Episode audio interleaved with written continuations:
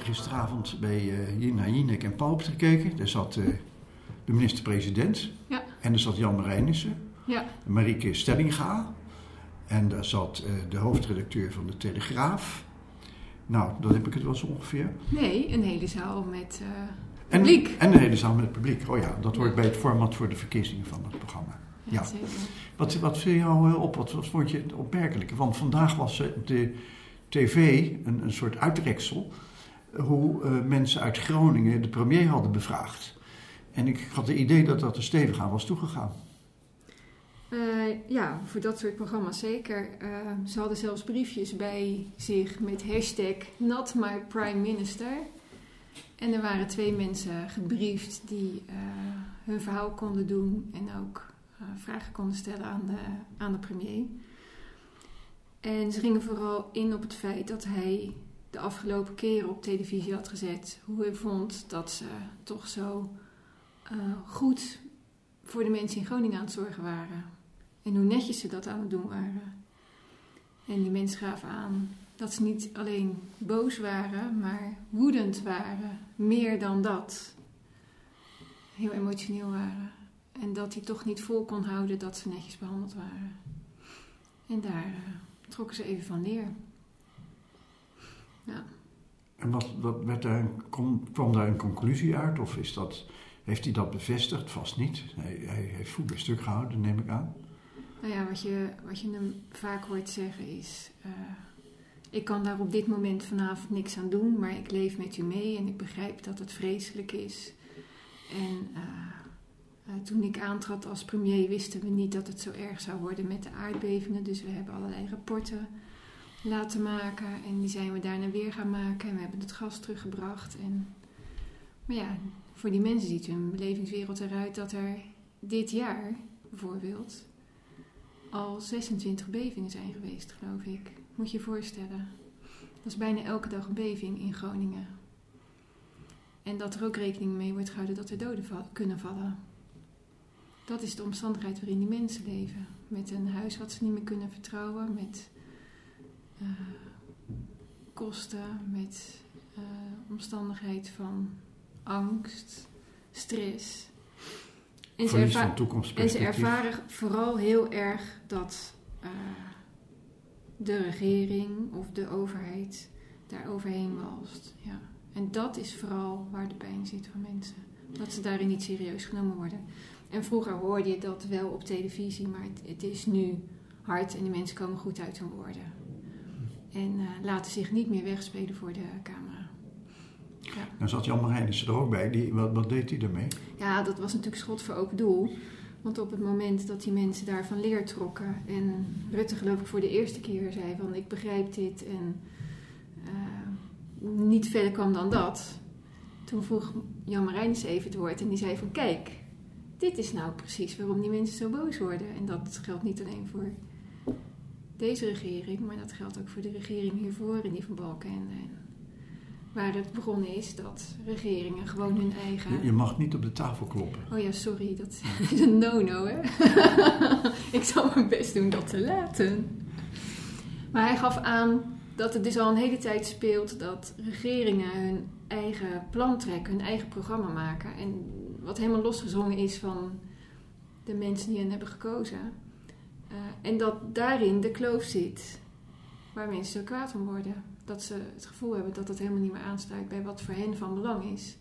En daar kreeg Marijnissen dus eh, de handen voor op elkaar. Die kreeg groot applaus.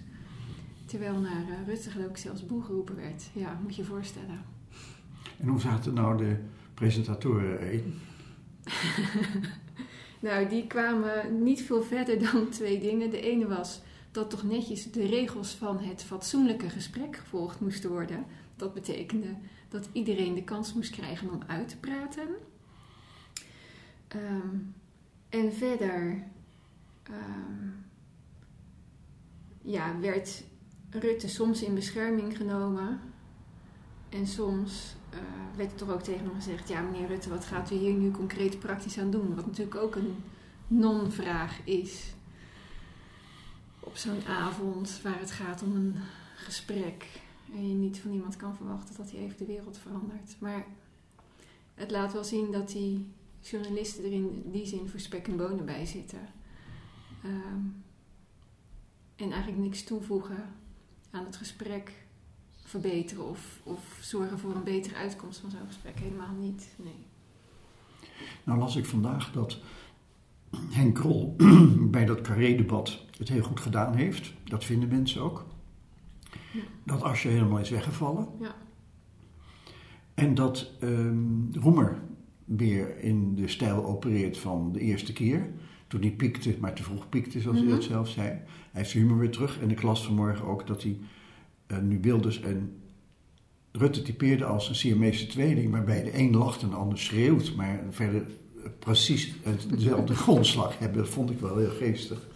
En wat ik nou eigenlijk denk en verwacht is dat eh, mensen kiezen dan nu, er komt een kabinet uit, maar dat wordt onderhanden over allemaal losse puntjes. En mensen zullen in de gaten krijgen dat ze helemaal met welk kabinet er ook op te zitten, ook maar iets in opgeschoten. Er zal taal komen naar de mensen toe, maar economisch gaat het redelijk goed. Dus er moet iets gebeuren wat de mensen aanspreekt. Dat wordt uitonderhandeld op allerlei issues en niveautjes. En mensen zullen na verloop van tijd absoluut in de gaten krijgen dat waar het over zou moeten gaan, het nog steeds niet over gaat. Ja. En als je dat nou voor je ziet, dan heb ik eigenlijk het idee dat. Stel nou maart, dan zijn de verkiezingen, dan doen ze er vier maanden over voor een kabinet, drie, vier maanden, vier maanden zeg maar. Dan komen wij met het boek in september en met de podcast, die lopen dan intussen. Ik verwacht dat wij ongeveer binnenvallen met dat boek op het moment dat in de samenleving de awareness ontstaat. Dat waar het over moet gaan, het daar nog steeds over gaat en dat we een echte diepgaande crisis hebben. Dat moeten we ook met onze podcast zien te bereiken en te versterken. Mhm. Maar ik verwacht dat nu een jaar verder die discussie over de essenties wel degelijk loopt. En dat je dan ook wil weten, wat doet meneer Trump dan? Hoe ziet het Amerikaanse democratisch bestel er dan uit? En wat is dan eigenlijk nog een democratie? Dat je geleidelijk aan, vergeleken bij vier jaar terug, zie je al, dat we nu toch een verdiepte slag hebben ten opzichte van vier jaar geleden. In de journalistiek zie je dat het komt omdat we nu geen zorgen meer hebben over de economie, wat natuurlijk onzin is, want daar gaat het niet over. Maar eh, je ziet dat iedereen wel snapt dat waar het over moet gaan, nog in de media, nog bij de regering, nog in het parlement aan de orde komt. En ik heb het idee dat wij met wat wij nu doen en wat we voornemen zijn, op koers liggen om dan echt ons punt te maken en dan door te breken. Hoe zie jij dat? Ja, en dat begint dan met dat we dan gaan formuleren wat precies de kern is. Want volgens mij formuleert niemand dat op dit moment. Ja. Ja. Nou, ik heb dus net een podcast ingesproken over de onbehagelijke relatie tussen professional en burger. En dan zie je dat die mensen die daar zitten en in het Haagse zitten, heel, heel ver weg zijn van waar het over gaat. Het zelfs niet herkennen.